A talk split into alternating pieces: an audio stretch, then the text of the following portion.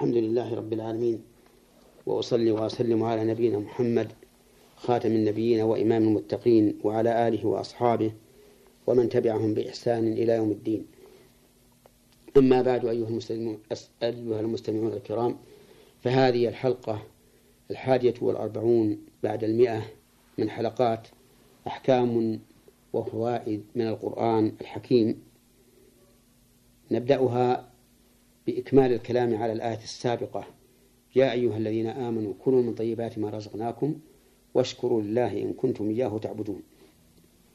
وقد أسلفنا كثيرا من فوائدها وأحكامها فلنتمها حتى نبدأ بالآية التي بعدها. يقول الله عز وجل اشكروا لله. وقد بينا قبل قليل أن الشكر محله القلب واللسان والجوارح.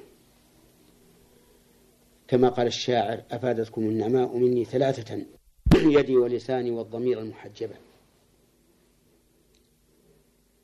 وبينه وبين الحمد عموم وخصوص. فمن جهة ما يكون به الشكر الشكر أعم. ومن جهة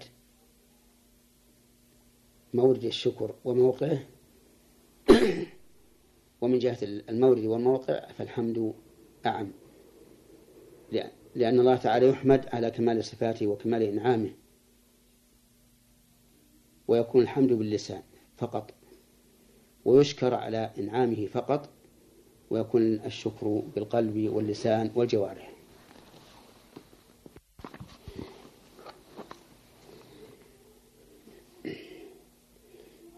ومن فوائد الآية الكريمة أن الشكر يكون به تحقيق العبادة لله عز وجل لقوله إن كنتم إياه تعبدون. وهذه الجملة الشرطية التي يرد مثلها كثيرا في القرآن تفيد معنى التحدي أي إن كنت صادقا في العبادة في عبادة الله فاشكره ولا تكفر نعمه. ثم قال تبارك وتعالى إنما حرم عليكم الميتة والدم ولحم الخنزير وما أهل به لغير الله. إنما حرم التحريم بمعنى المنع والجملة هنا فيها الحصر بإنما إنما حرم. يعني ما حرم عليكم إلا الميتة. والميتة عند أهل العلم كل ما مات بغير ذكاة شرعية فيشمل ما مات حتف أنفه وما مات بغير ذكاة شرعية. والدم معروف. لكنه هنا مطلق وفي سورة الأنعام مقيد حيث قال تعالى قل لا أجد فيما أوحي إلي محرما على طاعم يطعمه إلا أن يكون ميتة أو دما مسفوحا. فالمراد بالدم هنا الدم المسفوح ولحم الخنزير. والخنزير حيوان معروف ولحمه حرام لأنه رجس وخبث. وما أهل به لغير الله. أي ما ذبح لغير الله. أو ذكر عليه اسم غير الله.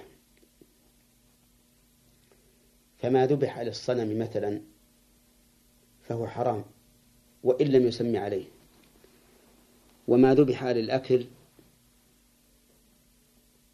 وسمي عليه اسم غير الله فهو حرام. وإن كان الإنسان لم يقصد به التعبد لكن أهل به غير الله.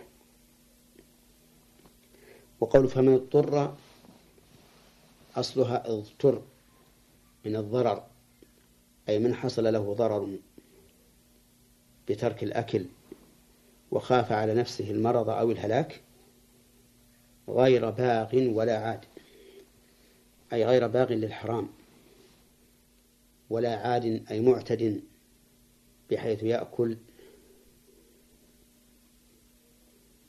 بدون حاجة فلا إثم عليه. فإن كان باغيا أو معتديا فأكل فعليه الإثم. إن الله غفور رحيم ومن أجل مغفرته ورحمته رفع الإثم عمن كان مضطرا. هذا معنى الآية. أما ما يستفاد منها من أحكام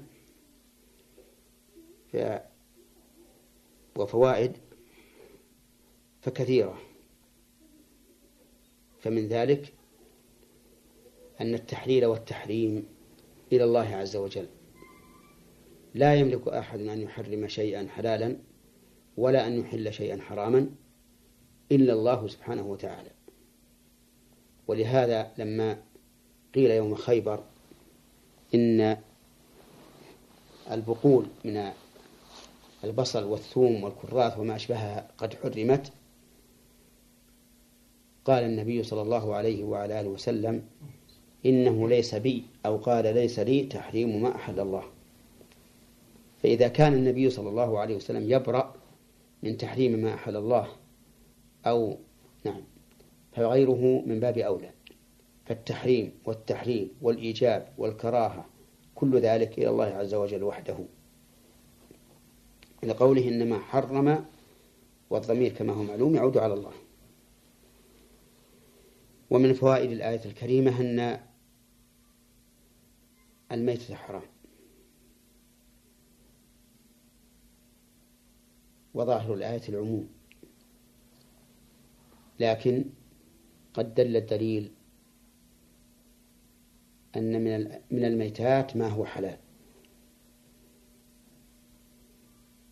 وذلك صيد البحر.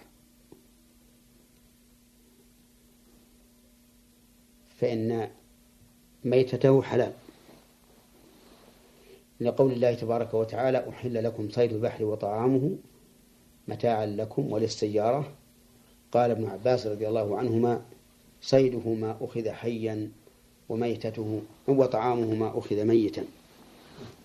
وفي الحديث عن النبي صلى الله عليه وعلى آله وسلم أحلت لنا ميتتان ودمان.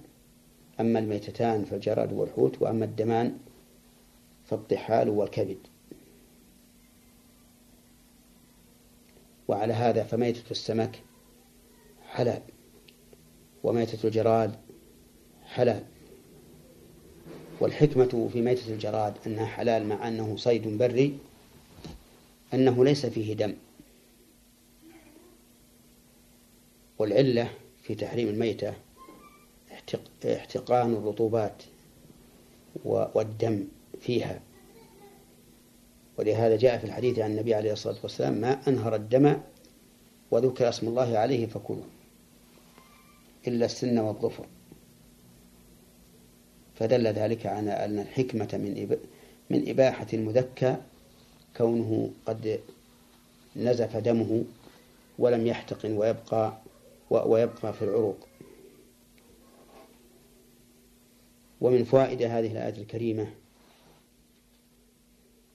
أن الدم حرام. وقد بينا في تفسيرها أن المراد به الدم المسفوح. الذي يخرج من الحيوان عند ذبحه وتذكيته. فأما الدم الذي يبقى بعد بعد الزكاة في في العروق فإنه حلال وليس بحرام. كدم الكبد ودم القلب والطحال وما أشبه ذلك. وسيأتي إن شاء الله بقية الكلام على فوائد هذه الآية في حلقة قادمة. والسلام عليكم ورحمة الله وبركاته.